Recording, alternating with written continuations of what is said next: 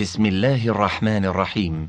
وهذا هو الشريط الأول من كتاب روضة الناظر وجنة المناظر في أصول الفقه على مذهب الإمام أحمد بن حنبل.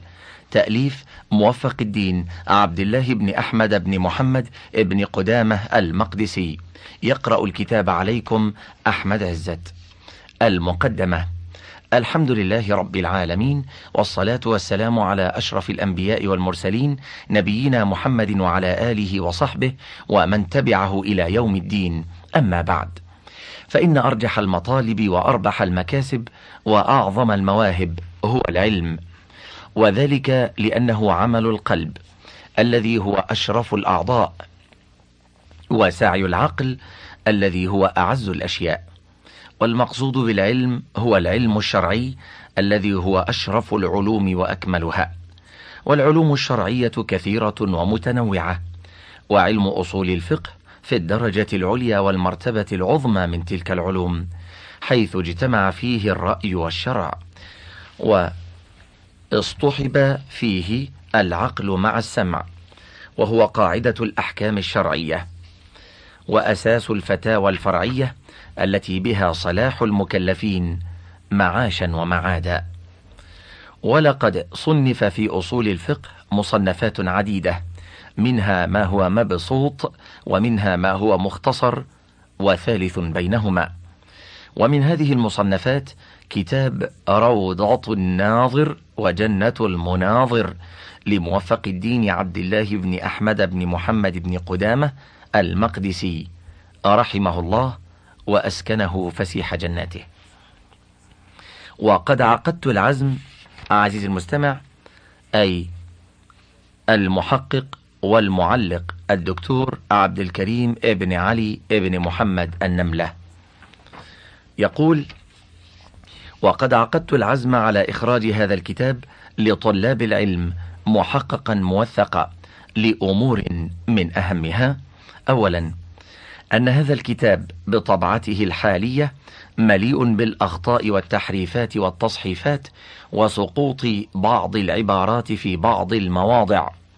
عزيزي المستمع نقرأ في الطبعة الخامسة والتي صدرت عام سبعة عشر وأربعمائة وألف هجرية الموافق لعام سبعة وتسعين وتسعمائة وألف ميلادية.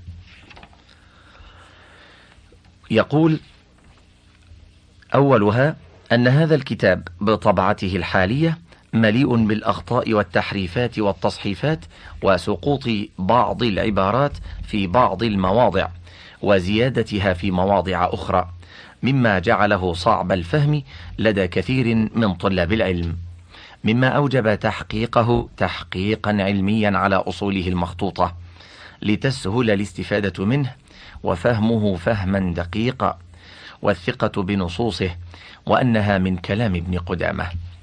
قد يقول قائل إن في هذا الكلام الذي ذكرته شيئا من المبالغة. أقول للقائل عليك أن تقارن بين ما طبع من كتاب الروضة سابقة وبين هذه الطبعة المحققة أو تنظر إلى هوامش هذه الطبعة المحققة حيث قد أشرت إلى فروق النسخ وتحريفات وتصحيفات وسقوط وزيادة بعض العبارات. فستجد ما يؤيد ويقوي ما قلته. والله من وراء القصد. ثانيا أن هذا الكتاب يعتبر من كتب الحنابلة الأصولية المهمة وهو مرجع من المراجع الأساسية التي لا يستغنى عنها.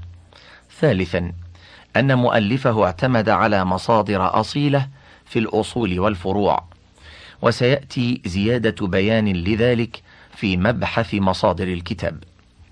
رابعا أن هذا الكتاب وإن كان صغير الحجم إلا أنه غزير العلم مستعذب اللفظ مشتمل على محط المهم. خال عن الإغراق. في خلاف العلماء في الحدود والتعاريف التي غالبا ما يذكرها المصنفون في هذا الفن وسيأتي زيادة بيان لذلك في بيان محاسن الكتاب. خامسا.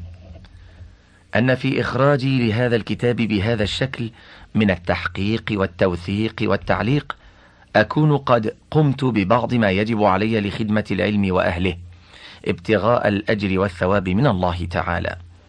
مع القصد إلى الاستزادة من العلم والخوض فيما يتكلمون عنه من الجزئيات ومعرفة طرقهم فيها كل ذلك يحصل بتحقيق هذا الكتاب والكتب الأخرى.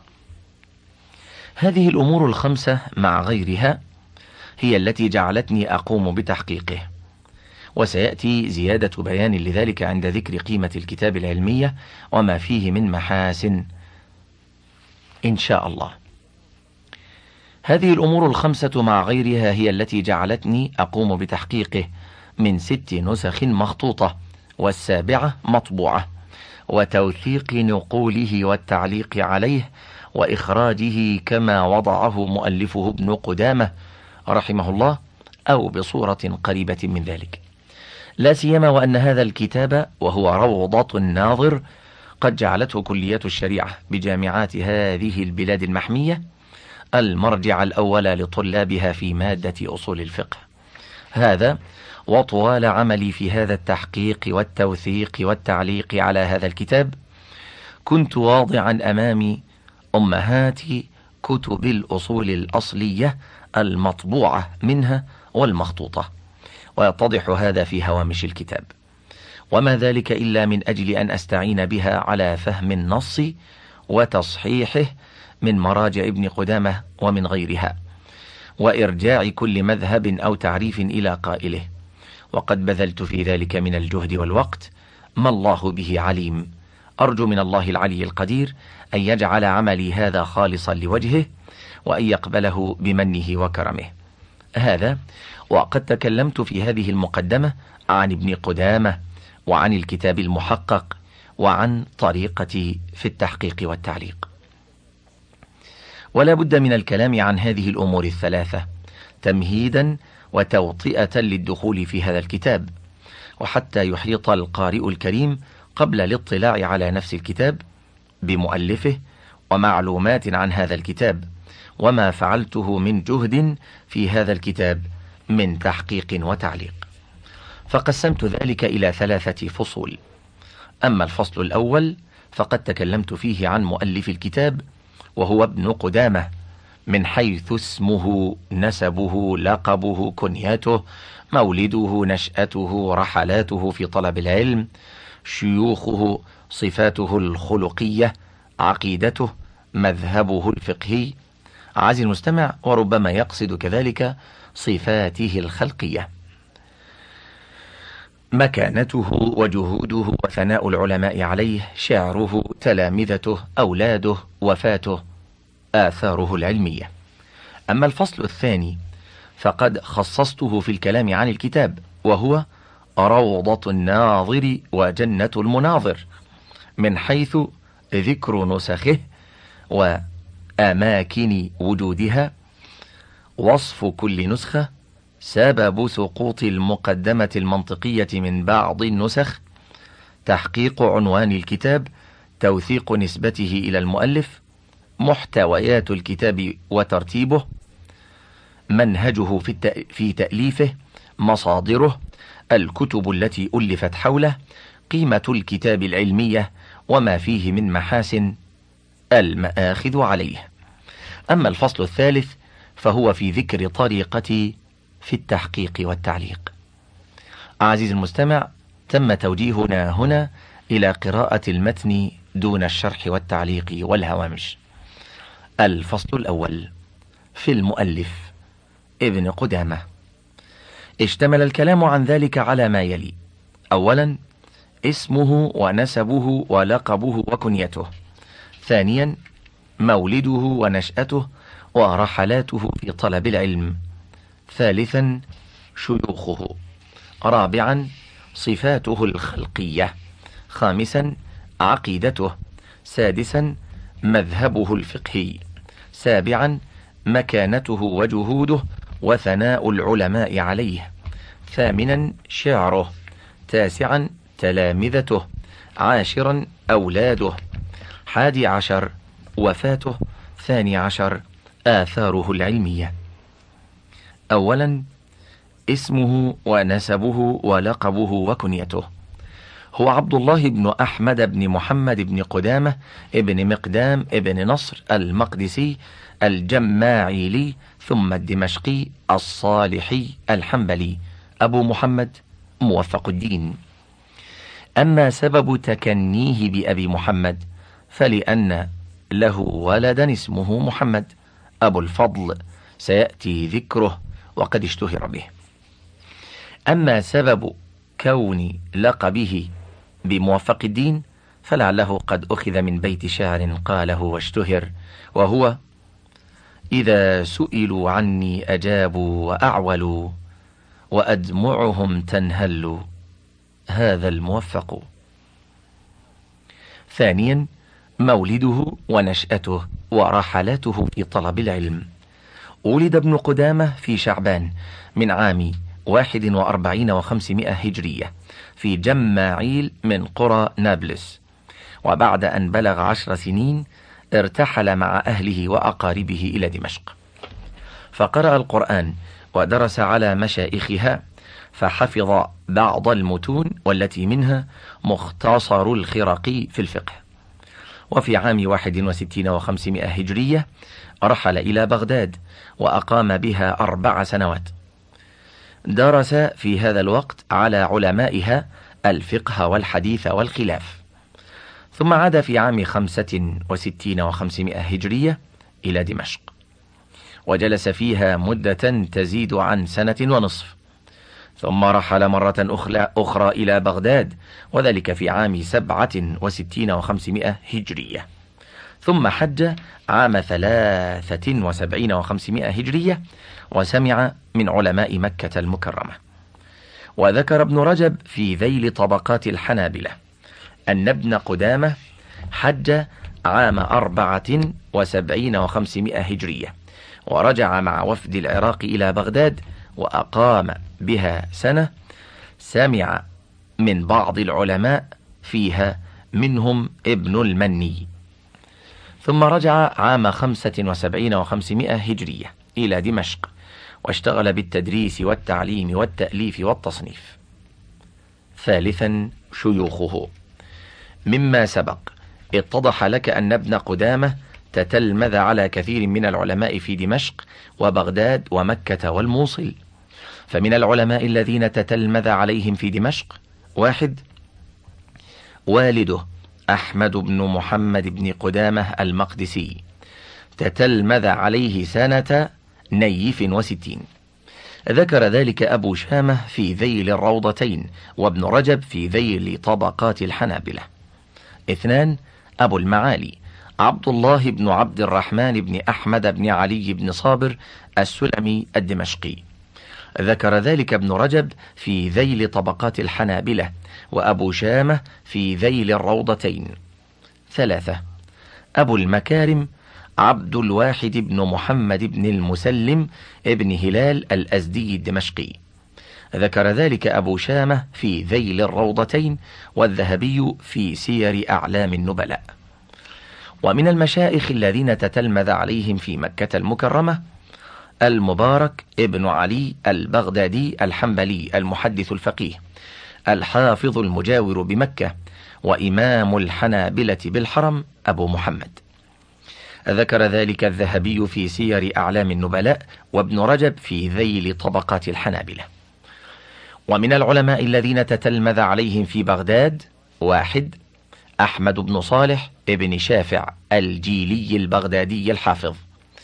ذكر ذلك المنذري في تكملة وفيات نقلة وابن رجب في ذيل طبقات الحنابلة. اثنان أحمد بن المقرب ابن الحسين البغدادي الكرخي. ذكر ذلك الذهبي في سير أعلام النبلاء. ثلاثة خديجة بنت أحمد بن الحسين النهروانية. ذكر ذلك الذهبي في سير أعلام النبلاء. أربعة سعد الله ابن نصر بن الدجاجي أبو الحسن ذكره ابن رجب في ذيل طبقات الحنابلة وأبو شامة في ذيل الروضتين. خمسة شهدة بنت أحمد بن الفرج الدينورية مسندة العراق. ذكرها الذهبي في سير أعلام النبلاء وأبو شامة في ذيل الروضتين.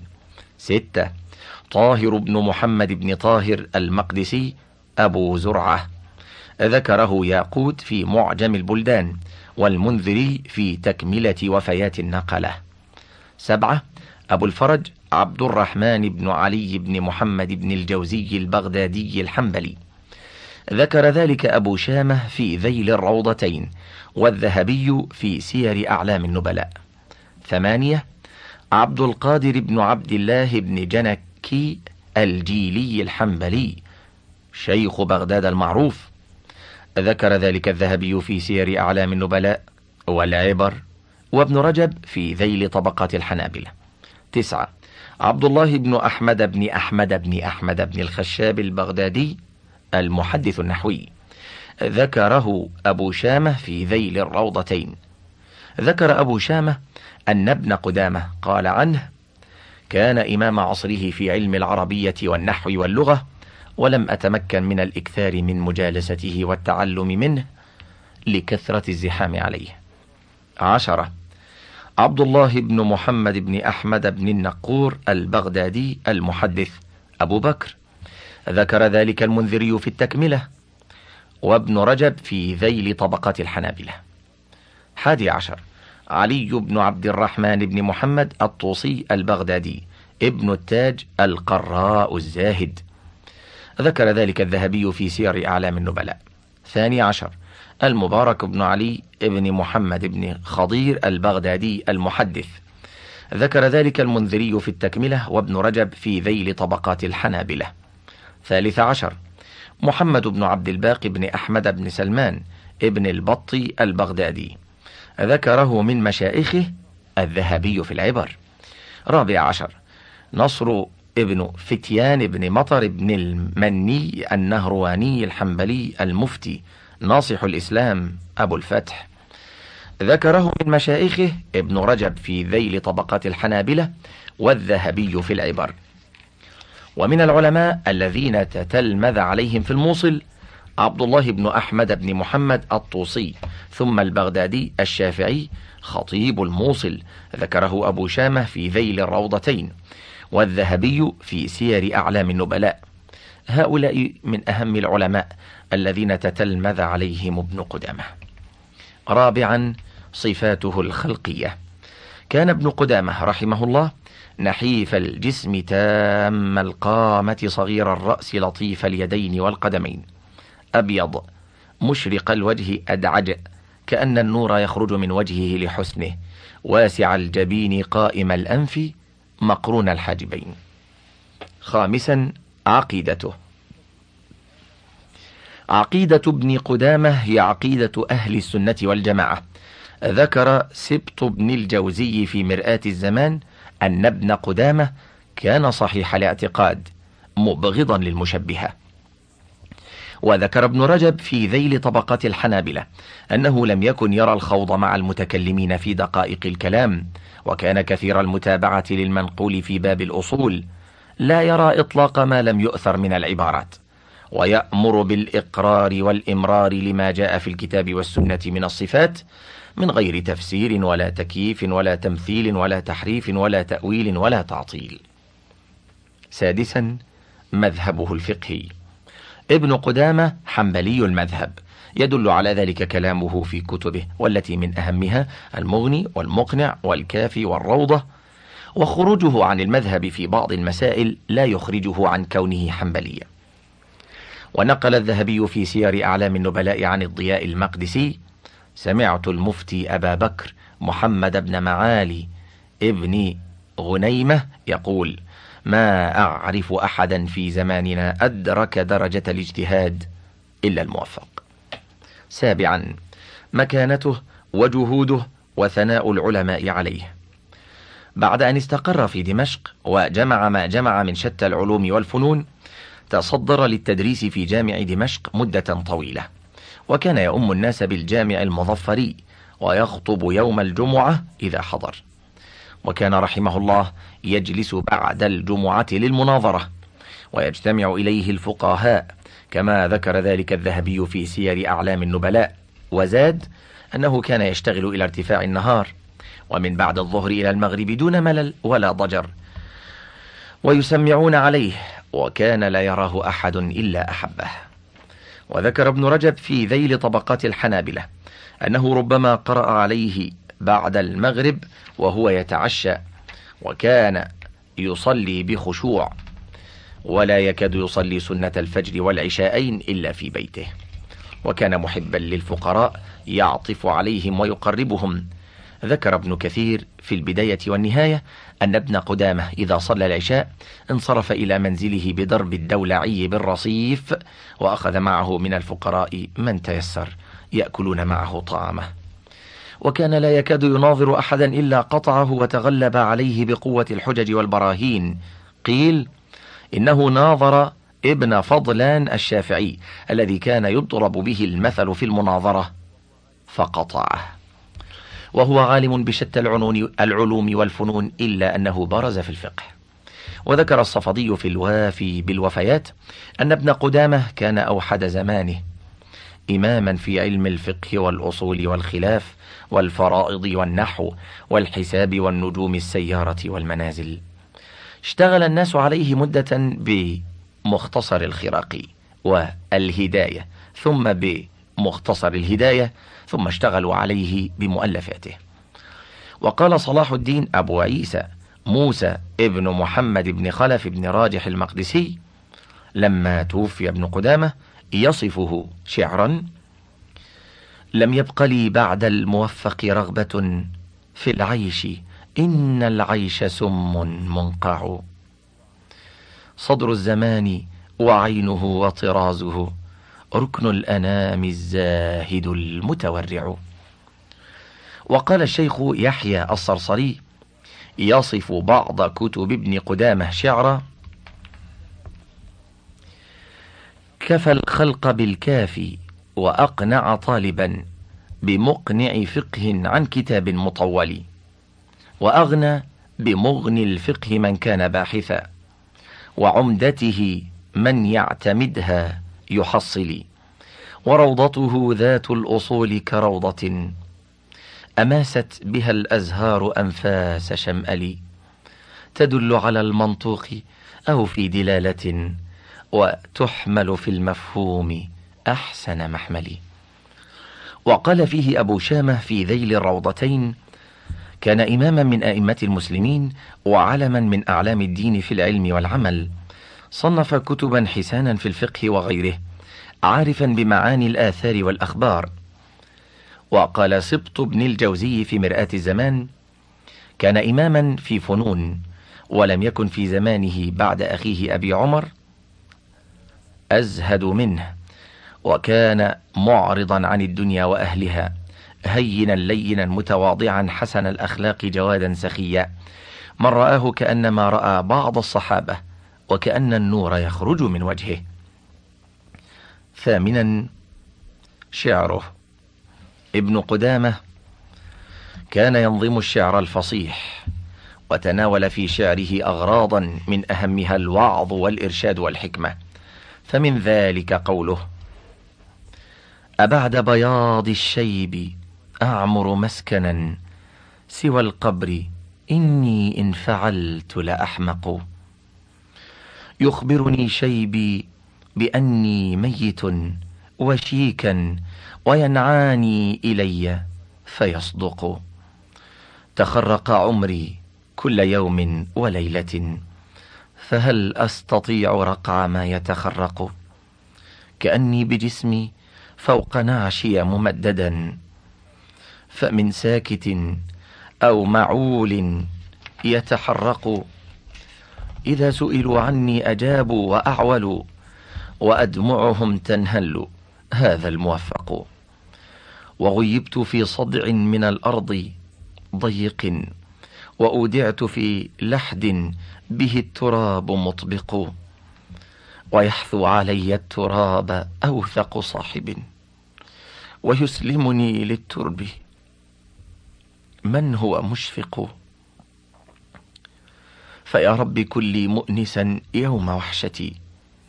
فإني بما أنزلته لمصدق. وما ضرني أني إلى الله صائر.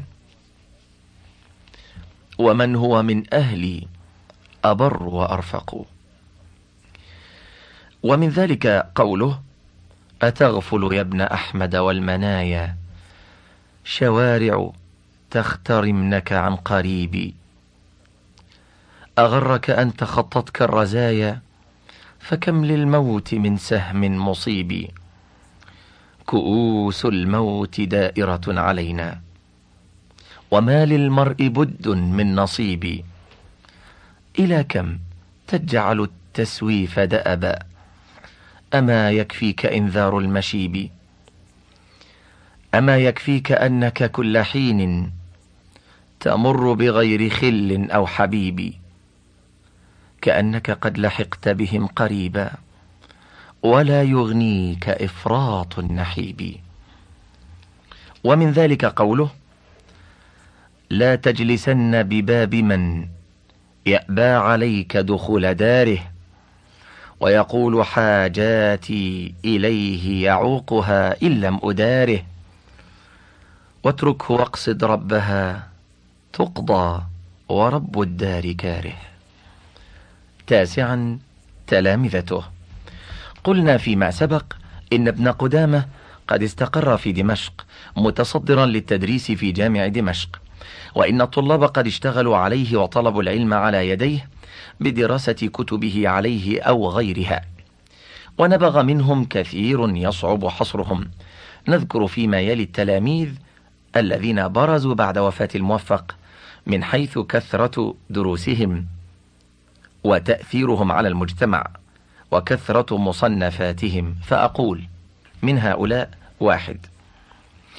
تقي الدين أبو العباس أحمد بن محمد بن عبد الغني المقدسي الصالحي الحنبلي شيخ الحنابلة المتوفى عام ثلاثة وأربعين وستمائة هجرية. كان الشيخ الموفق جده لأمه. اثنان صفي الدين أبو محمد إسحاق بن إبراهيم بن يحيى الشقراوي الحنبلي القاضي المتوفى عام ثمانية وسبعين وستمائة هجرية. ثلاثة شرف الدين أبو محمد حسن بن عبد الله بن عبد الغني المقدسي الصالحي الحنبلي الفقيه المتوفى عام تسعة وخمسين وستمائة هجرية. أربعة أبو الصفاء خليل بن أبي بكر بن صديق المراغي الحنبلي الفقيه الأصولي القاضي نزيل مصر المتوفى عام خمسة وثمانين وستمائة هجرية. خمسة أبو محمد عبد الرحمن بن إبراهيم بن أحمد المقدسي الحنبلي المتوفى عام أربعة وعشرين وستمائة هجرية. ستة. أبو شامة عبد الرحمن بن إسماعيل بن إبراهيم المقدسي الدمشقي الشافعي المتوفى عام خمسة وستين وستمائة هجرية. شهاب الدين. سبعة. أبو الفرج عبد الرحمن بن رزين بن عبد العزيز الحوراني ثم الدمشقي الحنبلي المتوفى مقتولا عام ستة وخمسين وستمائة هجرية. ثمانية أبو سليمان عبد الرحمن بن عبد الغني بن عبد الواحد المقدسي الحنبلي الفقيه. تسعة أبو الفرج عبد الرحمن بن محمد ابن أحمد بن قدامة المقدسي الجماعيلي الحنبلي المتوفى عام اثنين وثمانين وستمائة هجرية. الموفق يكون عمه. عشرة. أبو الحسن علي بن أحمد علي بن أحمد بن عبد الواحد بن أحمد السعدي المقدسي الصالحي الحنبلي المتوفى عام تسعين وستمائة هجرية. فخر الدين.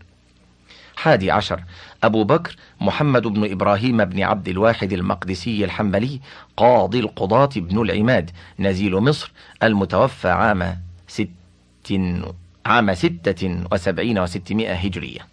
ثاني عشر أبو عبد الله محمد بن محمود ابن عبد المنعم المراتبي البغدادي الحنبلي الفقيه الإمام المتوفى عام أربعة وأربعين وستمائة هجرية. ثالث عشر أبو المظفر يوسف ابن قزغلي التركي صبت بن الجوزي الحنفي الحافظ المؤرخ المعروف عاشرا أولاده. واحد عيسى أبو المجد وهذا خلف ولدين صالحين ومات وانقطع عقبه. اثنان محمد أبو الفضل ثلاثة يحيى أبو العز. أربعة صفية خمسة فاطمة. ومات أولاده الثلاثة في حياته ولم يذكر المؤرخون شيئا عن أولاده. حادي عشر وفاته.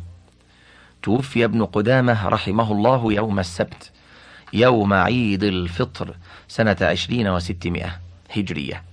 ورثاه صلاح الدين أبو عيسى موسى بن محمد بن خلف بن راجح المقدسي بقصيدة له يقول فيها لم يبق لي بعد الموفق رغبة في العيش إن العيش سم منقع صدر الزمان وعينه وطرازه ركن الأنام الزاهد المتورع. ثاني عشر آثاره العلمية. قلنا فيما سبق إن ابن قدامة لما استقر في دمشق اشتغل بالتدريس والتأليف والتصنيف وكانت مصنفاته مقبولة عند الناس.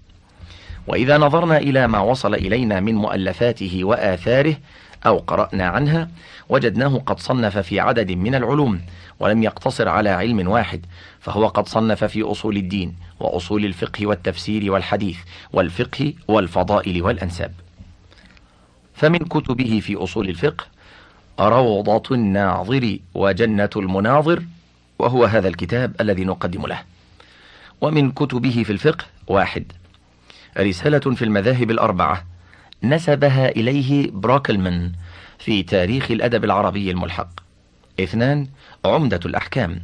نسبه إليه ابن شاكر في فوات الوفيات وقال إنه مجلد لطيف. وذكره ابن رجب في ذيل طبقات الحنابلة. وقال إنه مجلد صغير.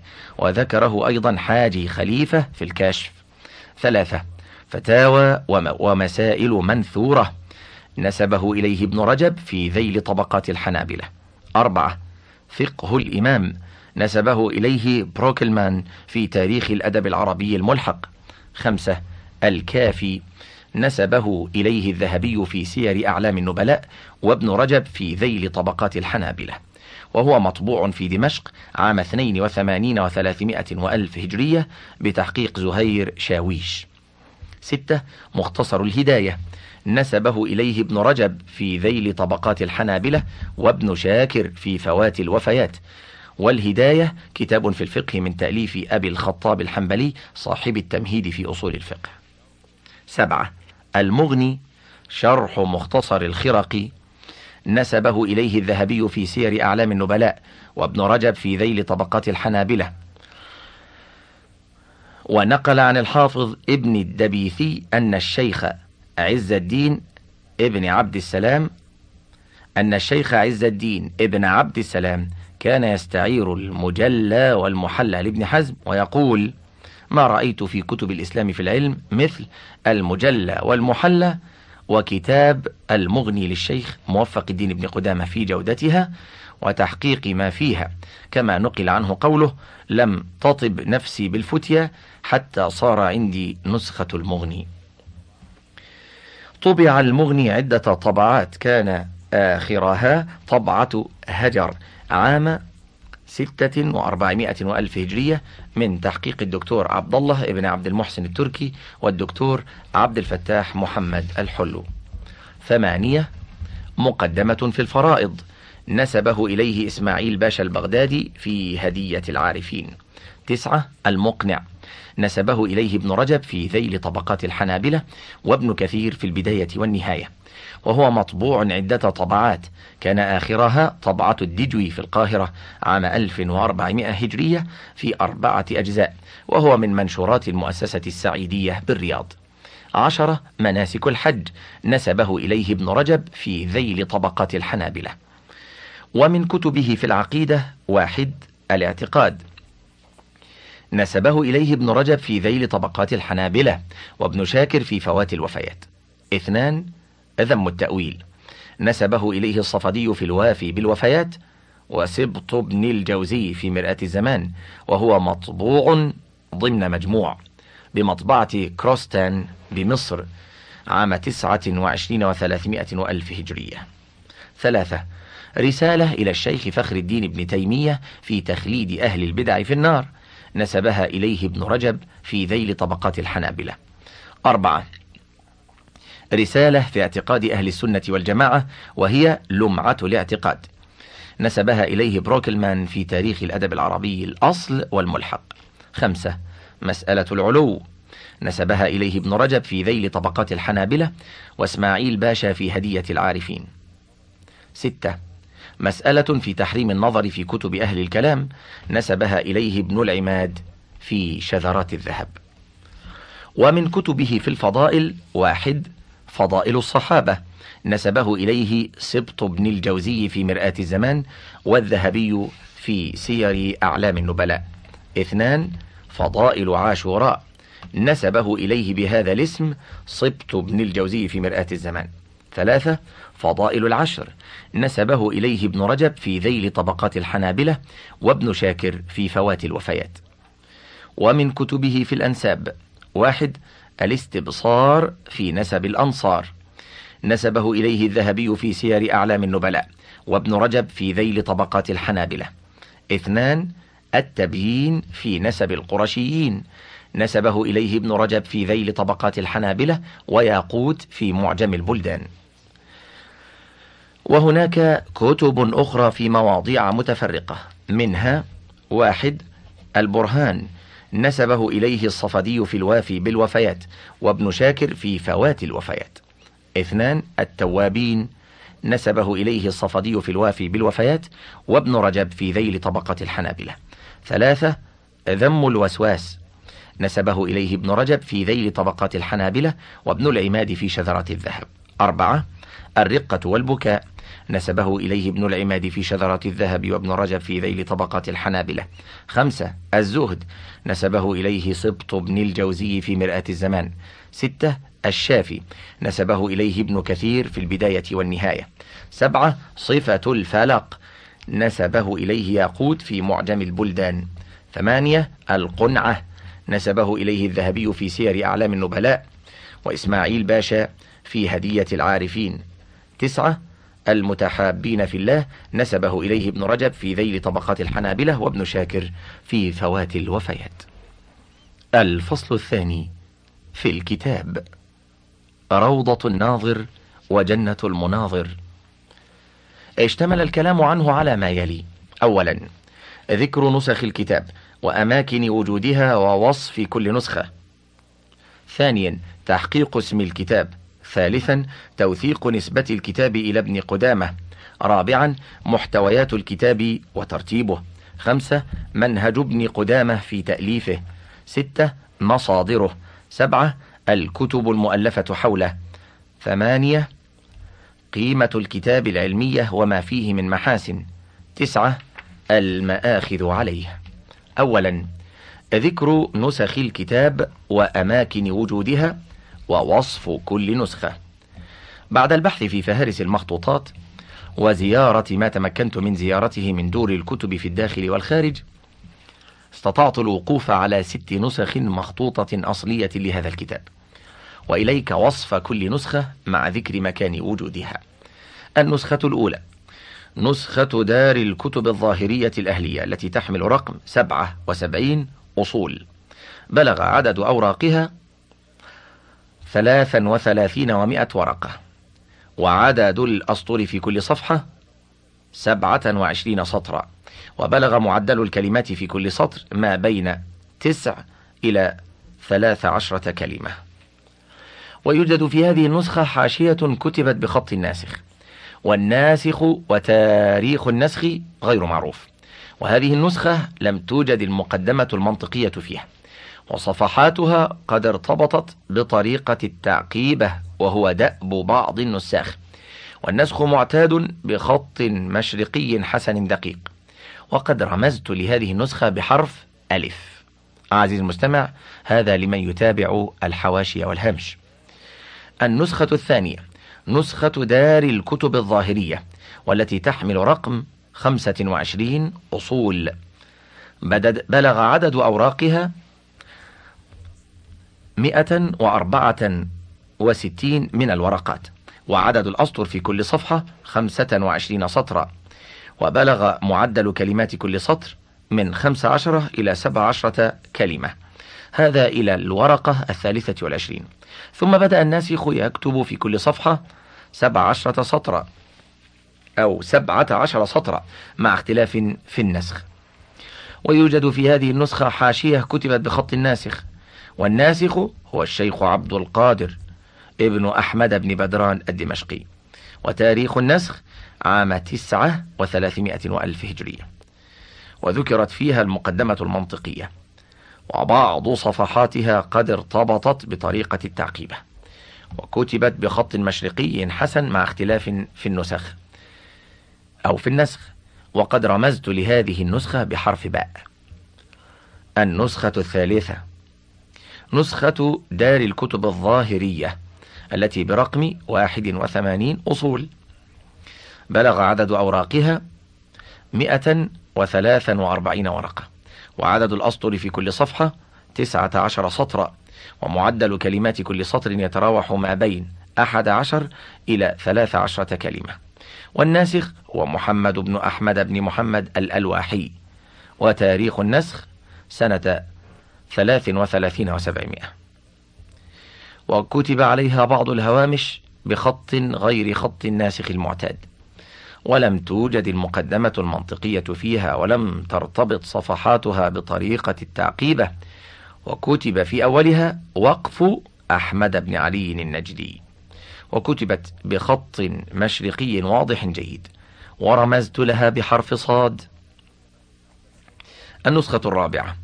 نسخة المكتبة الظاهرية تحمل رقم أربعة وسبعين وثمانمائة وألفين. بلغ عدد أوراقها مئة واثنتين وسبعين ورقة وعدد الأسطر في كل صفحة خمسة عشر سطرا. أما الكلمات في كل سطر فهي تتراوح ما بين ست عشر إلى تسع عشرة كلمة. والورقة الأولى منها ساقطة ومن الورقة الثالثة والثلاثين إلى الورقة السادسة والأربعين وجد في بعضها بياض. وقد وقع في باب القياس تقديم وتأخير فيها وقد نبهت على هذا كله. وذكرت في هذه النسخة المقدمة المنطقية ولم يذكر اسم الناسخ ولا تاريخ النسخ. ولم ترتبط صفحاتها بطريقة التعقيبة وكتبت بخط مشرقي قديم. ورمزت لهذه النسخة بحرف لام. النسخة الخامسة نسخة ابن مفلح. أحمد بن محمد بن محمد بن مفلح رحمه الله. بلغ عدد أوراقها مئة وخمسا وسبعين ورقة. وعدد الأسطر في كل صفحة سبعة, سبعة عشر سطرا وفي بعض الورقات عشرين سطرا. أما الكلمات في كل سطر فهي تتراوح ما بين أربع عشرة كلمة إلى سبع عشرة كلمة. ولم تذكر فيها المقدمة المنطقية. ولم يذكر اسم الناسخ ولا تاريخ النسخ. ولم ترتبط صفحاتها بطريقة التعقيبة وكتبت بخط مختلف. ورمزت لهذه النسخة بحرف ميم. النسخة السادسة. نسخة المكتبة الأزهرية بالقاهرة. بلغ عدد أوراقها مئة وتسعا وتسعين ورقة. وعدد الأسطر في كل صفحة خمس عشرة سطرا بل خمسة عشر سطرا وكلمات كل سطر تتراوح ما بين ثلاث عشرة كلمة إلى خمس عشرة كلمة. وهي ناقصة من آخرها. وقف الناسخ عند قول المصنف فاصل ولا يستفتي العامي إلا من غلب على ظنه أنه من أهل الاجتهاد. وقد بينت ذلك في موضعه.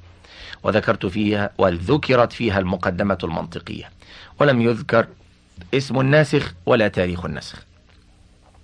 ولم ترتبط صفحاتها بطريقة التعقيبة وكتبت بخط مشرقي قديم. ورمزت لهذه النسخة بحرف هاء. هذه هي النسخ المخطوطة التي اعتمدتها في تحقيق نص الروضة لابن قدامة. وهناك نسخة سابعة وهي النسخة المطبوعة مع شرح ابن بدران الدمشقي. الطبعة الثانية عام 42 وألف هجرية من مكتبة المعارف بالرياض. وقد جعلت هذه النسخة المطبوعة نسخة من ضمن النسخ لأني لم أعثر على النسخة المخطوطة التي طبعت عنها هذه النسخة فقابلتها على النص وذكرت فروقها وتصحيفاتها وتحريفاتها وما وقع فيها من أخطاء وزيادة ونقصان. وقد ذكرت فيها المقدمة المنطقية وقد رمزت لهذه النسخة بحرف طاء إذا تكون النسخ سبع سبعة هي ألف باء صاد طاء لام ميم هاء. وقد بينت سبب سقوط المقدمة المنطقية من بعض النسخ في الهامش الثاني من الصفحة الرابعة والستين من هذا الكتاب وبينت وجهة نظري في ذلك هناك. ثانيا تحقيق اسم الكتاب وعنوانه. ورد اسم الكتاب في نسخة ألف وباء وصاد هكذا روضة الناظر وجنة المناظر في أصول الفقه على مذهب إمام الأئمة ومحيي السنة أبي عبد الله أحمد بن محمد بن حنبل الشيباني.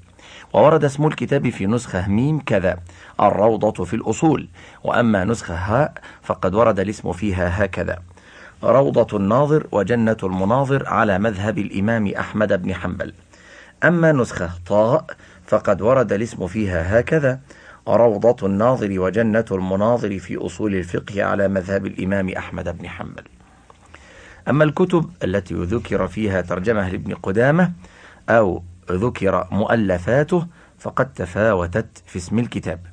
فورد الاسم كذا الروضة في أصول الفقه وذلك في ذيل طبقات الحنابلة وشذرات الذهب وسير أعلام النبلاء والوافي بالوفيات والبداية والنهاية وفوات الوفيات وكشف الظنون وهدية العارفين. وورد الاسم كذا كتاب في أصول الفقه وذلك في معجم البلدان. أما الكتب التي نقلت من كتاب الروضة فقد جاء الاسم فيها كذا الروضة.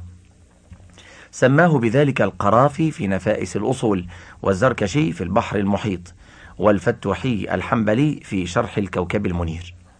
ويظهر مما سبق أن اسم الكتاب هو روضة الناظر وجنة المناظر في أصول الفقه على مذهب الإمام أحمد بن حنبل. وذلك لاتفاق أكثر نسخ الكتاب على إيراد ذلك كما هو واضح من ألف وباء وصاد وطاء وهاء. أما سقوط لفظ أصول الفقه من العنوان الذي أورده ناسخ هاء فيبدو أنه بسبب اختصار الاسم أو لأنه معروف أن الكتاب يبحث في أصول الفقه. أما ما ذكره ناسخ ميم من أن عنوان الكتاب الروضة في الأصول فهو أيضا اختصار لاسم الكتاب نظرا لشهرته في زمان الناسخ. أما ما أورده ناسخ ألف وباء وصاد من زيادة بعض الألفاظ مثل إمام الأئمة ومحيي السنة أبي عبد الله إلى ابن محمد إلى الشيباني فهذه زيادة أوردها هؤلاء تبجيلا لهذا الإمام وحذفها لا يؤثر على الاسم الذي اخترناه. حيث إنه يجب أن يختصر الاسم على أقل ما يمكن. لا سيما أن بعض النسخ قد حذفت ذلك. أما ما أورد بعض المترجمين لابن قدامة من تسمية الكتاب أو ما وردت في الكتب الناقلة عنه فهو اختصار لاسم هذا الكتاب كعادة المؤلفين والمصنفين وهو مشهور بينهم. ثالثا توثيق نسبة الكتاب إلى ابن قدامة. كتاب روضة الناظر وجنة المناظر هو من تأليف وتصنيف ابن قدامة المقدسي ولا نشك في نسبته إليه. دل على ذلك أمور. الأول اتفاق جميع نسخ روضة الناظر وجنة المناظر المخطوط منها والمطبوع على نسبة هذا الكتاب إلى ابن قدامة. الثاني اتفاق جميع المترجمين لابن قدامة والذاكرين لكتبه على أن الروضة من كتبه. الثالث أن الناقلين عن الروضة ينسبونها إلى ابن قدامة. من ذلك أن القرافي عد الروضة من مراجعه التي رجع إليها في نفائس الأصول فنسبها إليه. وقال أيضا في موضع آخر من النفائس قال موفق الدين في الروضة تقتضي الإضافة العموم.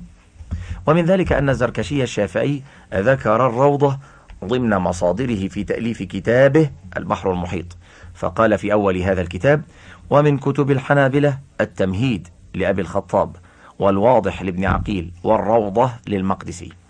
ومن ذلك أن الفتوحي الحنبلي أو الفتوحي الحنبلي قال ما نصه في شرح الكوكب المنير وقال الموفق في الروضة. وقال في موضع آخر نحن تابعنا في ذكرها يعني العلة هنا الشيخ الموفق في الروضة. الرابع أن نجم الدين الطوفي قد اختصر روضة الناظر وجنة المناظر بكتاب سماه البلبل في أصول الفقه ولم يشك في نسبتها إلى ابن قدامة وشرح مختصره هذا بكتاب سماه شرح مختصر الروضة. الخامس أن فضيلة الشيخ محمد الأمين ابن المختار الشنقيطي قد وضع مذكرة سماها مذكرة أصول الفقه على روضة الناظر ولم يشك في أن الروضة كانت لابن قدامة. السادس أن الشيخ يحيى الصرصري نسبها إليه حينما مدح كتبه وذلك في بيت شعر قال فيه وروضته ذات الأصول كروضة أماست بها الأزهار أنفاس شمأل رابعا محتويات الكتاب وترتيبه. كتاب روضة الناظر قد حوى جميع جزئيات علم أصول الفقه تقريبا ولكن بصورة مختصرة غير مخلة.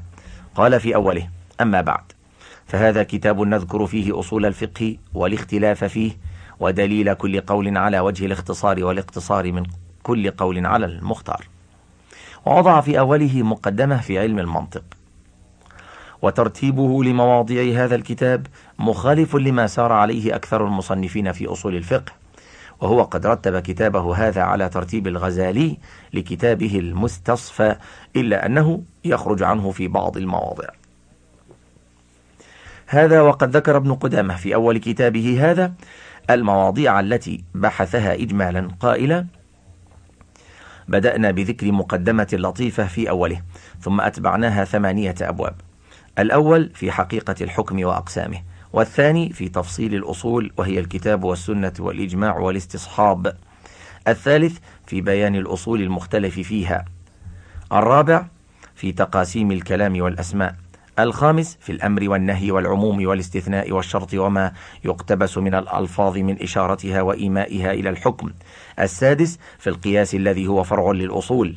السابع في حكم المجتهد الذي يستثمر الحكم من هذه الأدلة والمقلد. الثامن في ترجيمات الأدلة المتعارضة. هذا من حيث الإجمال. أما ما بحثه من حيث التفصيل فهو موجود في فهارس كل مجلد فلا داعي لأن أذكره هنا لما فيه من التكرار الذي لا يفيد شيئا. خامسا منهج ابن قدامة في تأليف هذا الكتاب. ابن قدامة رحمه الله قد صرح بالمنهج الذي سيسلكه في تأليف روضة الناظر وذلك في مقدمته لهذا الكتاب إذ قال أما بعد فهذا كتاب نذكر فيه أصول الفقه والاختلاف فيه ودليل كل قول على وجه الاختصار والاقتصار من كل قول على المختار. ونبين من ذلك ما نرتضيه ونجيب من خالفنا فيه. والحق أن ابن قدامة سار على هذا المنهج بصورة إجمالية. وبعد تتبع الكتاب واستقرائه استطعت أن أستخلص طريقته ومنهجه الذي سار عليه في تأليف كتابه هذا أكثر مما ذكره. أوجز ذلك فيما يلي. واحد. أنه غالبا ما يذكر مذهبه الذي اختاره ثم يذكر ما ذهب إليه المخالفون في المسألة ثم يذكر أدلة المخالفين له ثم يبين أدلته على مذهبه المختار ثم يبدأ يناقش أدلة المخالفين له. اثنان. حرص ابن قدامة رحمه الله على بيان المذهب الحنبلي في كل مسألة غالبا ثلاثة. لم يقتصر على ذكر المذهب الحنبلي بل يقارن بينه وبين الآراء الأصولية الأخرى. أربعة. أن مناقشته للآراء المخالفة وأدلتهم تتسم بالدقة بصورة عامة. خمسة. يبين أحيانا ثمرة الخلاف في المسألة. ستة. ابن قدامة يحرص على ألا يكرر العبارات. فإذا وجد الكلام متماثلا في الموضعين فإنه يحيل الكلام الأخير على الكلام الأول كما فعل في النهي حيث قال فصل. اعلم أن ما ذكرناه من الأوامر تتضح به أحكام النواهي. كذلك في ترجيح المعاني. سبعة كان استدلال ابن قدامة بالكتاب والسنة والإجماع والآثار والقياس وكلام العرب. ثمانية لا يذكر رحمه الله أسماء الكتب التي ينقل عنها بل يذكر القائلين فقط فيقول قال القاضي والمراد به هو القاضي أبو يعلى الحنبلي ويقول قال أبو الخطاب وهكذا. تسعة أنه يذكر روايات الإمام أحمد ويذكر ما يوافق كل رواية من أقوال الحنفية أو الشافعية أو بعضهم أو غيرهم. عشرة أنه ينقل بالنص من مراجعه التي سيأتي ذكرها لا سيما من كتاب المستصفى لأبي حامد الغزالي وكتاب التمهيد لأبي الخطاب. سادسا مصادره. بعد تتبع واستقراء ما ورد في الكتاب من مسائل وجدته لا يخرج عن أربعة كتب في أصول الفقه وهي واحد المستصفى لأبي حامد الغزالي وغالب روضة الناظر من هذا الكتاب. اثنان العدة في أصول الفقه لأبي يعلى الحنبلي. ثلاثة التمهيد في أصول الفقه لأبي الخطاب الحنبلي. هذان الكتابان استفاد منهما روايات الإمام أحمد والمذهب الحنبلي كله. أربعة الوصول إلى الأصول لأبي الفتح ابن برهان. قد رجع إلى هذا الكتاب واعتمد عليه في بعض المناقشات والترجيحات لكنه لم يشر إليه لا من قريب ولا من بعيد كما فعل عند نقله ما في المستصفى. هذه هي مراجعة في هذا الكتاب. وما ورد في روضة الناظر من أسماء كتب أخرى في التفسير أو الحديث أو اللغة أو نحو ذلك كسنن الدار قطني أو صحيح مسلم أو صحيح البخاري فقد جاءت في النص الذي نقله من هذه الكتب الأربعة بدليل تطابق الألفاظ في الاستدلال ووجود ذلك بنصه وبحرفه في أحد مراجعه السابقة. سابعا الكتب المؤلفة حوله بعد كلامنا السابق عن مراجعه. الكتب المؤلفة حوله. لما برز كتاب روضة الناظر ألف حوله بعض المؤلفات ومنها واحد البلبل في أصول الفقه وهو مختصر روضة الناظر للموفق للطوفي الحنبلي. كذا في صفحة الغلاف لهذا الكتاب وهو مطبوع عام 83 وثلاثمائة وألف هجرية بمطبعة النور للطباعة بالرياض. شرح الطوفي مختصره هذا بكتاب سماه شرح مختصر الروضة. قد طبع أخيرا كاملا من تحقيق فضيلة الشيخ الدكتور عبد الله بن عبد المحسن التركي في ثلاثة أجزاء أنيقة. فجزاه الله خيرا على هذه العناية الفائقة إلا أنه غير موثق النقول والمذاهب التي ينقلها الطوفي عن غيره. وشرح مختصر الروضة لا يصلح أن يكون شرحا لروضة الناظر نفسها. كما زعم بعضهم وذلك لأن الطوفي في مختصره حذف كثيرا من مهمات الروضة وأدخل في مختصره ما لا يوجد في الروضة فيصبح شرحا لكلام الطوفي وليس بشرح لكلام ابن قدامة. اثنان تعليقات ابن بدران الدمشقي على الروضة. قام عبد القادر ابن بدران الدمشقي بالتعليق على الروضة كما سماها هو بقوله في أوله وأخذت بكتابة تعليقات عليه تقرب ما نأى من المطالب وتفتح باب تلك الروضة لكل طالب. إلا أن بعض تعليقاته تلك لا تناسب ما كتبه ابن قدامة في الروضة في بعض المواطن والسبب في ذلك أنه نقل أكثر كلام الطوفي في شرح مختصره السابق الذكر. ووضعه كشرح للروضة ظنا منه أن هذا يصلح لهذا. وقد وفق في كثير من المواطن دون بعضها. ثلاثة مذكرة أصول الفقه للشيخ محمد الأمين بن المختار الشنقيطي على روضة الناظر للعلامة ابن قدامة رحمه الله. هكذا جاء العنوان على الغلاف وهي مطبوعة متداولة. وهي مؤلفة بأسلوب عصري مفهوم إلا أنها لا تكفي عن روضة الناظر بأي شكل من الأشكال حيث إنه رحمه الله حذف كثيرا مما جاء في الروضة. أربعة. ابن قدامة وآثاره الأصولية لفضيلة الدكتور عبد العزيز بن عبد الرحمن السعيد. هكذا جاء العنوان على الغلاف وهو مطبوع متداول داخل جامعة الإمام وقد قسمه مؤلفه إلى قسمين. القسم الأول في نشأة وتدوين أصول الفقه وطبقات الحنابلة وابن قدامة وآثاره والقسم الثاني كتب فيه نص الروضة. ثامنا قيمة الكتاب العلمية وما فيه من محاسن. كتاب روضة الناظر يعرفه جل من درس العلوم الشرعية ويعرف قيمته العلمية وما فيه من محاسن ومزايا. وبعد تتبع بان لي من ذلك ما يلي. واحد أن كتاب الروضة وإن كان صغير الحجم إلا أنه غزير العلم مستعذب اللفظ مشتمل على محط مهم. اثنان أنه يعتبر مصدرا من مصادر أصول الحنابلة.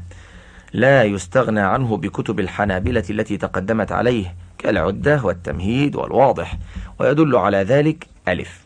أن القرافي رحمه الله جعله من مصادره في شرحه للمحصول المسمى نفائس الأصول ورجع إليه في بعض المواضع.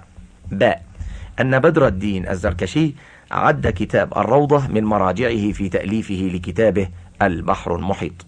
جيم. أن الفتوحي الحنبلي رجع إليه في كتابه شرح الكوكب المنير. فهذا يدل على أنه يعتبر من أصول كتب الحنابلة في أصول الفقه.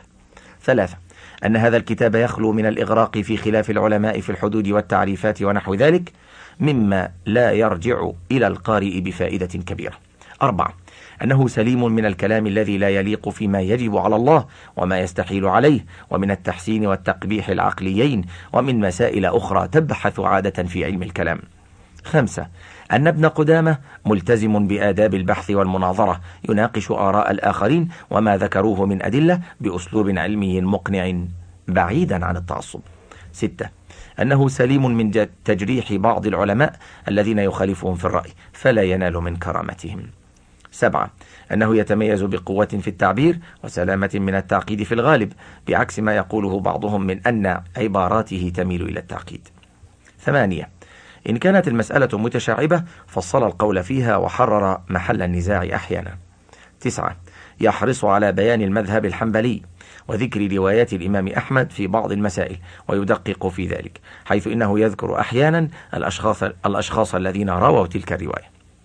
عشرة أنه يربط المذهب الحنبلي بالمذاهب الأخرى فتجده يقول للإمام أحمد في ذلك روايتان أحدهما كذا. وبذلك قال الشافعية أو الحنفية أو بعضهم. وهذا كثير. حادي عشر. إذا كان الخلاف في المسألة لفظية لا يترتب عليه أثر فقهي بينه. ثاني عشر. كان رحمه الله في كتابه هذا لا يكرر الكلام إذا تماثل في مسألتين بل يرجع القارئ إلى الكلام في الأولى. ثالث عشر. كانت شخصية ابن قدامة بارزة في الكتاب. ويظهر هذا في المذاهب المختارة عنده في كل المسائل الأصولية المذكورة في هذا الكتاب. ولم يكن تابعا لأحد كما زعم الطوفي من أنه في كتابه الروضة كان تابعا للغزالي وهذا واضح لكل منصف قرأ الكتاب. رابع عشر كان يحرص كل الحرص على الاستدلال على مذهبه بنصوص من الكتاب أو السنة أو الإجماع أو القياس أو آثار الصحابة أو كلام العرب من شعر ونثر. لا يهتم غالبا بالأدلة العقلية إلا عند الضرورة. تاسعا المآخذ عليه. إن أي عمل بشري مهما كان لا بد أن يعتريه بعض النواقص وما بينته فيما سبق من قيمته العلمية وما في الكتاب من محاسن لا يمنع من إبداء بعض الملاحظات عليه. ورأيت أن أنبه على أهمها فأقول واحد إن كتاب روضة الناظر يعتبر مختصرا للمستصفى للغزالي من أوله إلى آخره. فقد نقل عنه فصولا كاملة أحيانا باللفظ وأحيانا أخرى بالمعنى. وهذا لا يخفى على أي باحث علمي في هذا الفن. ومع ذلك لم يذكر هذا الكتاب. أعني كتاب المستصفى لا من قريب ولا من بعيد لا بالصراحة ولا بالإشارة. ولم يذكر الغزالي إلا مرة واحدة وذلك في مسألة تخصيص العموم إلى أن يبقى واحد. وهذا غير لائق من عالم كابن قدامة رحمه الله بل اللائق أن يرجع الفضل إلى أهله. وكان مما ينبغي عليه أن يذكر ذلك في مقدمته كما فعل مختصر كتب الآخرين مثل تاج الدين الأرموي لما اختصر كتاب المحصول للرازي بكتاب سماه الحاصل من المحصول. سراج الدين الأرموي لما اختصر كتاب المحصول للرازي بكتاب سماه التحصيل من المحصول. وغيرهما. اثنان أنه يستدل أحيانا بأحاديث موضوعة مثل ما روي عن النبي صلى الله عليه وسلم أنه قال القرآن ينسخ حديثي وحديثي لا ينسخ القرآن وقد تكلمت عنه في موضعه ومثل حديث خطابي للواحد خطاب للجماعة ويستدل بأحاديث ضعيفة وقد بينت ذلك في موضعه. ثلاثة وجد في الكتاب بعض العبارات المضطربة وأجمعت النسخ على ذلك واستعنت على تصحيحها بكتاب المستصفى. أربعة أنه يتساهل في عزب الآراء وأمثلة ذلك كثيرة ولكن أذكر من ذلك ما يلي. ألف أنه نسب إنكار الواجب المخير إلى المعتزلة كلهم وقد بينت أن الصحيح أنه قول بعضهم فقط. أنه نسب إنكار الواجب الموسع إلى أكثر الحنفية وهذه النقطة هي باء. والصحيح كما بينته في موضعه أنه لم ينكر الواجب الموسع إلا القليل من الحنفية. أما أكثرهم فهم مع جمهور العلماء. جيم أنه نسب القول بأن الأمر يقتضي الفور إلى كل الحنفية. وهذا ليس بصحيح كما بينته بل الذي يرى أن الأمر يفيد الفور هو أبو الحسن الكرخي منهم وتبعه بعض الحنفية. دال أنه قطع بنسبة القول بأن زيادة على الواجب واجبة إلى القاضي أبي يعلى. والصحيح أنه اختلف النقل عنه في هذه المسألة. هاء أنه نسب القول بأن الأفعال والأعيان المنتفع بها قبل ورود الشرع على الإباحة إلى الحنفية كلهم. والصحيح أن هذا قول أكثرهم كما بينته هناك. واو أنه نسب القول بأن الأمر ليس بنهي عن ضده لا بمعنى أنه عينه ولا يتضمنه ولا يلازمه إلى المعتزلة كلهم. والصحيح كما وضحته أنه مذهب جمهورهم. زاي.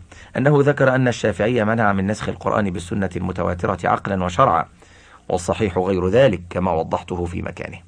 يا أنه نسب القول بأن خبر الواحد إذا خالف الأصول أو معنى الأصول لم يحتج به إلى أبي حنيفة والصحيح غير ذلك كما بينته في موضعه. خمسة أنه يبحث عدة مسائل في فصل واحد بخلاف ما جرى عليه من تقدمه من المصنفين كالغزالي وأبي يعلى وأبي الخطاب. فمثلا ألف. قال فصل. والتنبيه ينسخ وينسخ به. جمع في ذلك الفصل أربع مسائل. باء قال في موضع آخر فصل. وما ورد من الخطاب مضافا إلى الناس والمؤمنين دخل فيه العبد. فقد بحث في هذا الفصل ثلاث مسائل. جيم. قال في موضوع ثالث فصل. يجوز نسخ القرآن بالقرآن والسنة المتواترة بمثلها والآحاد بالآحاد والسنة بالقرآن. فقد بحث في هذا الفصل أربع مسائل. والأمثلة على ذلك كثيرة. ولو فصل بين المسائل وبحث كل مسألة وحدها كما فعل غيره لكان أولى. ستة. أنه قال في عرض ما سيكتب فيه في هذا الكتاب ما نصه ثم أتبعناها ثمانية أبواب. الأول حقيقة الحكم وأقسامه والثاني في تفصيل الأصول وهي الكتاب والسنة والإجماع إلى آخر كلامه ولكنه لم يلتزم بتسمية الأبواب فلم يقل الباب الأول في كذا والباب الثاني في كذا بل قال باب في العموم باب القياس باب النسخ وهكذا. سبعة أهمل التعريف اللغوي كثيرا وأهمل التعريف الاصطلاحي قليلا للمسائل التي يتعرض لها فقمت ببيان ذلك وهذا يظهر كثيرا. ثمانية. يجعل أحيانا التعريف الاصطلاحي قبل التعريف اللغوي كما فعل في الواجب والفرض وهذا خلاف ما اصطلح عليه العلماء في تصنيفاتهم. تسعة. أن نقله عن بعض العلماء ينقصه بعض الدقة وقد بينت ذلك. عشرة. أنه يستدل بالنصوص الشرعية ولكن لا يبين وجه الدلالة منها غالبا. حادي عشر. أنه وضع بعض المسائل والمباحث في مكان غير لائق به. من ذلك ألف. أنه جعل تعريف التكليف لغة واصطلاحا وشروطه بعد بحثه للأحكام التكليفية. وهذا خلاف الأولى حيث إن الأولى أن يبحث حقيقة التكليف وشروطه ثم يتكلم عن الأحكام التكليفية. باء. جعل باب اللغات بعد مبحث الأدلة المختلف فيها. وهذا خلاف الأولى إذ الأولى أن يجعل باب اللغات في أول الكتاب كما فعل جمهور الأصوليين. ثاني عشر. الكتاب يتميز بسهولة اللغة والفصاحة بشكل عام ولكن وقع فيه بعض التعبيرات التي لا تتمشى مع فصيح اللغة. من ذلك ألف إدخال ال على غير وهو خطأ عند جل أئمة اللغة. باء إدخال ال على بعض وكل وهو مناف لفصيح اللغة العربية عند كثير من النحويين. جيم مجيء أم بعد هل وهو خطأ عند اللغويين مع شيوعه في مؤلفات كثير من العلماء. هذه أهم الملاحظات العامة على الكتاب وهناك ملاحظات خاصة وهي كثيرة يمكن أن يجدها القارئ بكل سهولة. من ذلك واحد أنه خلط في تعريف الفقه بين اصطلاح الفقهاء واصطلاح الأصوليين وقد بينت ذلك في موضعه. اثنان. أنه قال أثناء ذكره للمباحث التي التي سيبحثها في الروضة الأول في حقيقة الحكم وأقسامه وهو لم يبحث حقيقة الحكم مع أهميته ولكنه شرع مباشرة بعد المقدمة المنطقية في الأحكام التكليفية وحقائقها وقد بينت ذلك نظرا لأهميته. إلى غير ذلك من الملاحظات التي لا تخفى على من اطلع على الكتاب. الفصل الثالث. في طريقتي في التحقيق والتعليق. واحد. بعد الحصول على النسخ بدأت بقراءتها ثم شرعت في النسخ وكتبته على الرسم في العصر الحاضر وأعجم ما أهمل ولا أشير إلى ذلك إلا إذا كان المعنى اختلف بذلك الإعجام. اثنان. لم أقم باختيار نسخة واحدة لتكون أصلا في مقابلة النسخ الأخرى عليها. وآثرت أن أقوم بتحقيق الكتاب على نسخه السبع على طريقة النص المختار حيث أثبتت الصواب من الكلمات والعبارات عن أي نسخة أو نسخ وجد فيها ذلك. ثم أشير في الهامش إلى ما جاء في بقية النسخ. والسبب في ذلك أن كل نسخة لم تخل من سقط وتصحيف وتحريف وأخطاء كثيرة. ثلاثة إذا وردت زيادة في إحدى النسخ وكان إثباتها في النص لا يؤثر في المعنى أو كان حذفها يؤثر فيه فإني أثبتها في النص وأشير في الهامش إلى ذلك. وإذا كان حذفها أو إثباتها لا يؤثر في المعنى ولم يكن فيه زيادة فائدة فكذلك أثبتها وأشير إلى ذلك في الهامش. أما إذا كان إثباتها يخل بالمعنى فإنني لا أثبتها في الصلب بل أكتبها في الهامش وأشير إليها بعبارة ورد هنا في نسخة كذا زيادة أو لفظ. أربعة في حالة وجود عبارتين كلاهما يؤدي إلى المعنى المطلوب لكن إحداهما تؤديه بصورة أوضح. أثبت منها ما هو أوضح وأقرب إلى مراد المؤلف مستعينا بمصادره لا سيما المستصفى للغزالي. والتمهيد لأبي الخطاب والعدة لأبي يعلى. خمسة الكلمات أو العبارات الساقطة من إحدى النسخ والعبارات التي أثبتها من خارج النسخ أجعلها بين معقوفتين وأشير إلى ذلك في الهامش. ستة. إذا كان النص مضطربا في جميع النسخ فإن الأمانة تقتضي أن أثبته كما جاء في النسخ. ثم أوضح مراد ابن قدامة في هذا النص في الهامش أو أنقل النص الذي نقل منه ابن قدامة وذلك من المستصفى حيث إنه أصل كتاب الروضة. سبعة. إني لم أضع عناوين لموضوعات الكتاب وذلك لأمرين. الأول أن هذا في نظري تدخل غير جائز في نص المؤلف فهو أعلم بكتابه لا سيما وأنه يضع أحيانا عنوانا للفصل الذي يعقده وأحيانا يتركه فقد يكون هذا لغرض في نفسه لم نطلع عليه. الثاني أنه أحيانا يبحث في فصل واحد عدة مسائل وقد نبهت على بعض ذلك في ملاحظاتي على الكتاب فهنا لا يمكن أن أضع عنوانا واحدا له لذلك قمت ببيان الموضوع الذي يتحدث عنه كل فصل في الهامش. كذلك فهارس الموضوعات تشير إلى ذلك بكل صراحة. أما كون المحقق يضع عناوين من عنده فهذا قد يصيب قليلا ويخطئ كثيرا. ثمانية قمت بتوثيق النصوص والآراء والأقوال التي ينقلها ابن قدامة عن غيره وأشرت إلى مكان وجوده في الكتاب المنقول عنه. تسعة أشرت في الهامش إلى نهاية كل ورقة من أوراق النسخ المخطوطة وذلك حتى يربط النص المطبوع بأصوله المخطوطة ولتسهيل الرجوع إليها لمن أراد. عشرة قمت بتوثيق روايات الإمام أحمد من كتب الحنابلة لا سيما من العدة لأبي يعلى والتمهيد لأبي الخطاب. حادي عشر بينت بداية ابن قدامة في الاستدلال لمذهبه أو لمذهب غيره أو بدايته بالرد على أدلة المخالفين إذا كان في النص بعض الغموض. ثاني عشر أشرت إلى المراجع التي استفاد منها ابن قدامة عند كل مسألة أو بحث أو قضية ذكرها. وكذلك الإشارة إلى المراجع الأخرى سواء كانت متقدمة لعصر ابن قدامة أم كانت متأخرة عنه وذلك ليسهل على القارئ أو الباحث التوسع والتعمق والمراجعة بدون عناء ومشقة كلما أراد. ثالث عشر إذا نقل المؤلف من بعض المراجع السابقة وأشار إلى مؤلف مؤلفه بقوله مثلا قال القاضي أو قال أبو الخطاب أجعل هذا الكتاب المنقول منه كأنه نسخة أخرى. رابع عشر. إذا كان الكلام لا يستقيم إلا بزيادة حرف أو كلمة فإني أقوم بذلك مستعينا بمراجع الكتاب وأضع ذلك بين معقوفتين وأشير إلى ذلك في الهامش. خامس عشر. إذا ذكر ابن قدامة مذهبا أو مذهبين في المسألة فإني أقوم بذكر المذاهب الأخرى فيها. أو أقول إن في المسألة مذاهب أخرى مع ذكر مراجع ذلك كله. سادس عشر. عزوت المذاهب والآراء التي ينقلها ابن قدامة بدون عزو إلى قائليها مع ثبت مراجع ذلك. سابع عشر. عزوت التعريفات التي يذكرها ابن قدامة في الكتاب إلى قائلها وبينت هل نقل التعريف بنصه أو اختصره مع ثبت مراجع ذلك. ثامن عشر قمت بتشكيل بعض الكلمات إذا خشي التباس المراد بغير المراد. تاسع عشر قمت بشرح بعض العبارات التي أرى أن فيها غموضا على بعض الطلاب.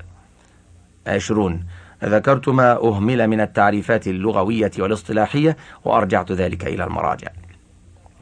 الواحد والعشرون. إذا تعرض أو أشار إلى مسألة فقهية فإني أقوم بتوثيقها وذكر أقوال العلماء فيها. الثاني والعشرون. أربط مباحث الكتاب بعضها مع بعض وذلك بتعيين مواضع الإشارات التي يذكرها ابن قدامة كقوله مثلا سبق ذلك أو كما مضى أو سيأتي ذكر ذلك. الثالث والعشرون.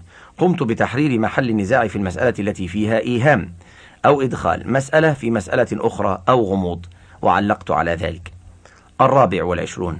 بينت مواضع الآيات من السور وجعلت الآيات بين قوسين كذا. الخامس والعشرون. خرجت الأحاديث مسهبا في الأحاديث التي تكلم عنها أئمة الحديث وقد جعلتها بين قوسين كذا. السادس والعشرون. خرجت الآثار وجعلتها بين علامتين كذا. السابع والعشرون. وضعت الحدود والمصطلحات والأسماء داخل علامتي تنصيص خاصة بها تميزها عن بقية النص. الثامن والعشرون. عزوت الأبيات الشعرية إلى قائلها كما أحلت ذلك على أهم المصادر الشعرية. التاسع والعشرون.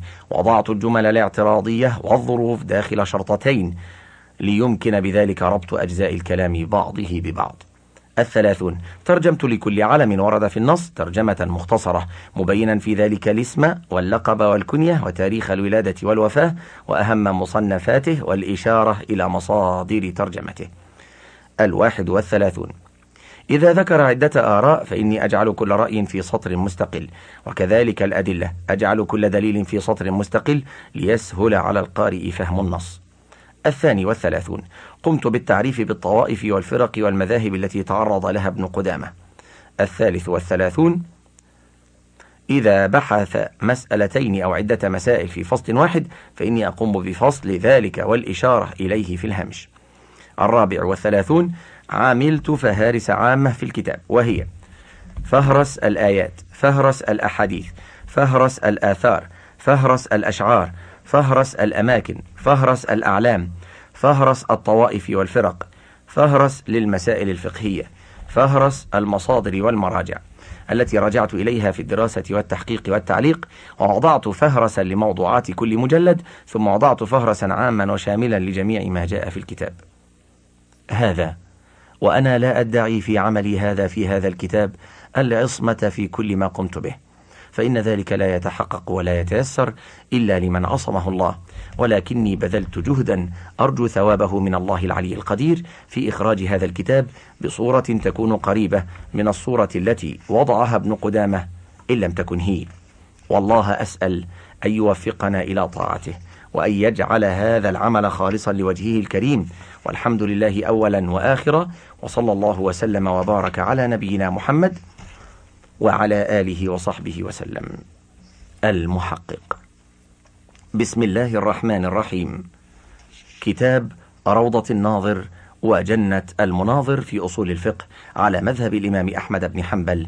تأليف موفق الدين عبد الله بن أحمد بن محمد ابن قدامة المقدسي. بين عامي واحد وأربعين وخمسمائة هجرية إلى عام عشرين وستمائة هجرية سنة وفاته. المجلد الأول. بسم الله الرحمن الرحيم رب زدني علما وفهما الحمد لله العلي الكبير العليم القدير الحكيم الخبير الذي جل عن الشبيه والنظير وتعالى عن الشريك والوزير ليس كمثله شيء وهو السميع البصير وصلى الله على رسوله محمد البشير النذير السراج المنير المخصوص بالمقام المحمود والحوض المورود في اليوم العبوس القمطرير وعلى أصحابه الأطهار النجباء الأخيار وأهل بيته الأبرار الذين أذهب الله عنهم الرجس وخصهم بالتطهير وعلى التابعين لهم بإحسان والمقتدين بهم في كل زمان.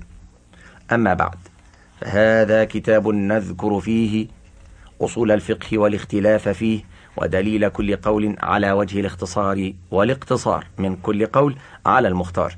ونبين من ذلك ما نرتضيه ونجيب من خالفنا فيه. اختلف في المقام المحمود والقول الصحيح أن المقصود بالمقام المحمود الذي اختص به نبينا محمد صلى الله عليه وسلم والشفاعة للناس يوم القيامة. ذهب إلى ذلك عبد الله بن عمر وحذيفة بن اليمان رضي الله عنهم كما ذكر ذلك القرطبي في التذكرة. وقد أكرم الله عز وجل نبينا محمد صلى الله عليه وسلم بحوض قد أعطيه في القيامة طوله كما بين آيلة وصنعاء.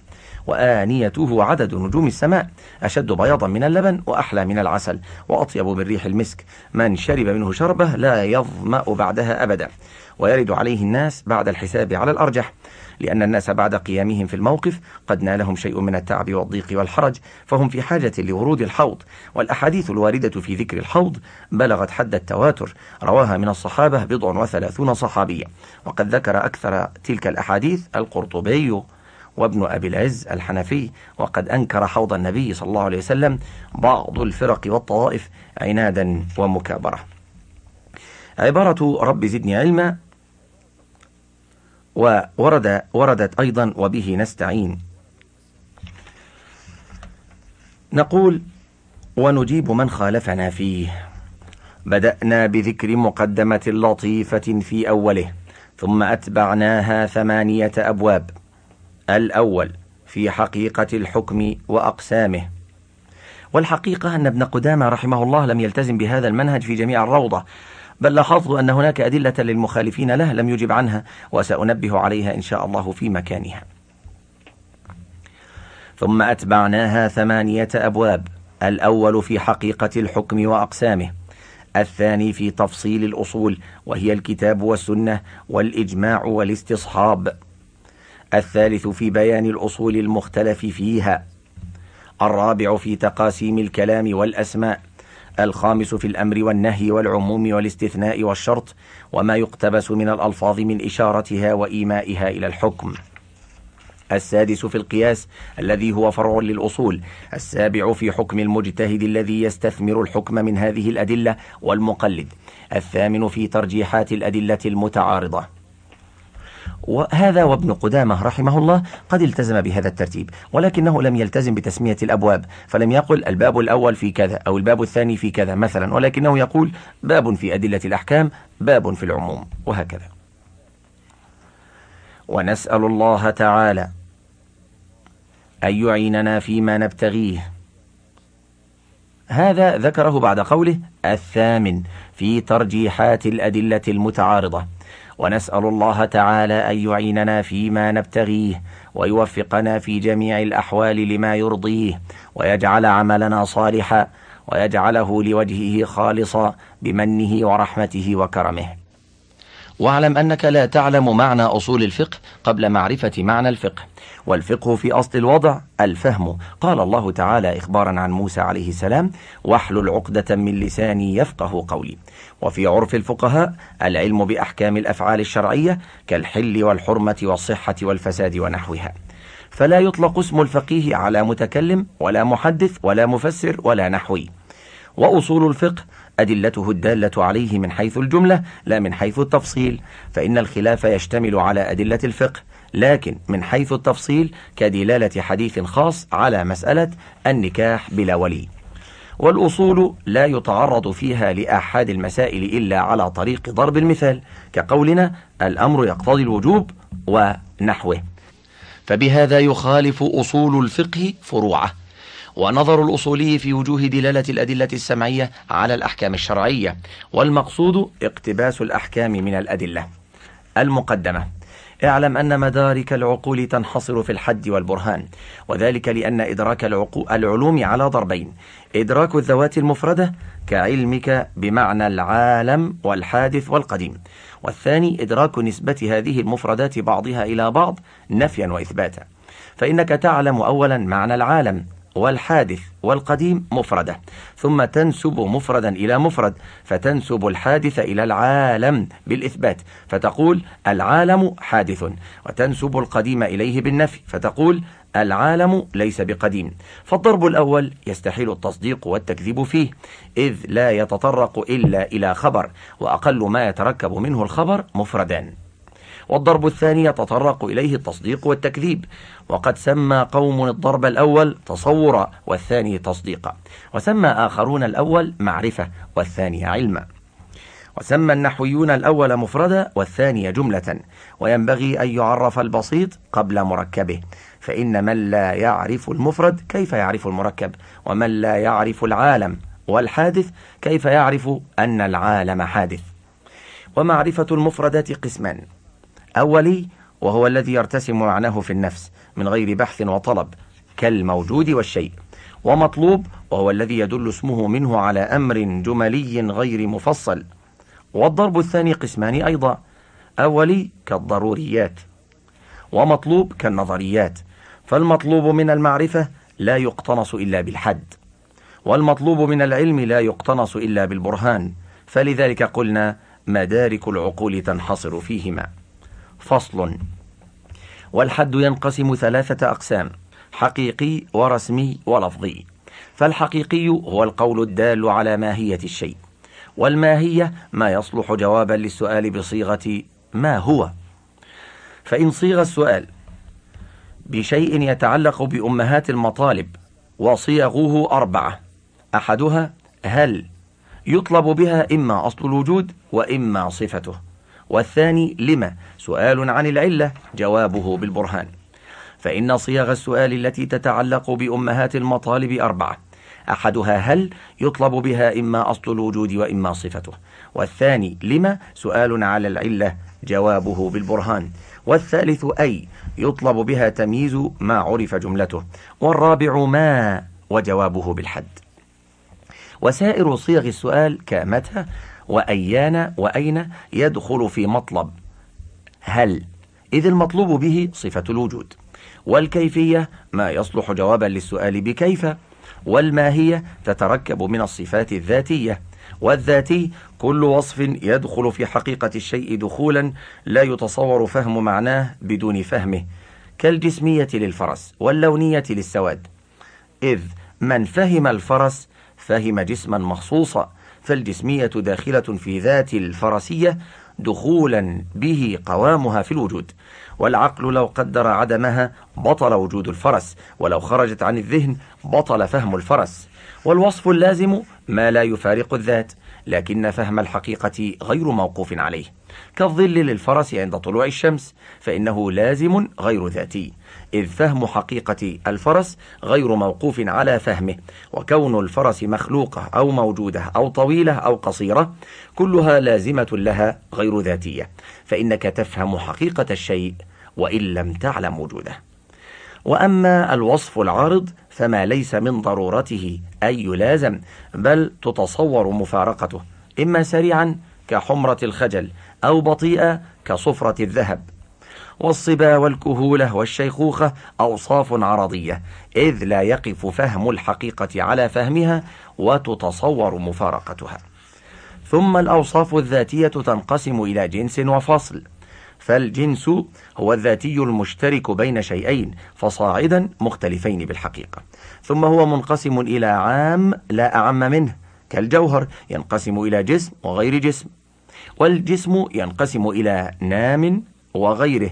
والنام ينقسم إلى حيوان وغير حيوان والحيوان ينقسم إلى آدمي وغيره وإلى خاص لا أخص منه كالإنسان ولا أعم من الجوهر إلا الموجود وليس بذاته ولا أخص من الإنسان إلا الأحوال العرضية من الطول والقصر والشيخوخة ونحوها. والفصل ما يفصله عن غيره ويميزه به كالإحساس في الحيوان فإنه يشارك الأجسام في الجسمية والإحساس يفصله عن غيره. فيشترط في الحد أن يذكر فيه الجنس والفصل معا. وينبغي أن يذكر الجنس القريب ليكون أدل على الماهية. فإنك إن اقتصرت على ذكر البعيد بعدت. وإن ذكرت القريب معه كررت. فلا تقل في حد الآدمي جسم ناطق. بل حيوان ناطق. وقل في حد الخمر شراب مسكر ولا تقل جسم مسكر. انتهى الشريط الأول من كتاب روضة الناظر وله بقية على الشريط الثاني.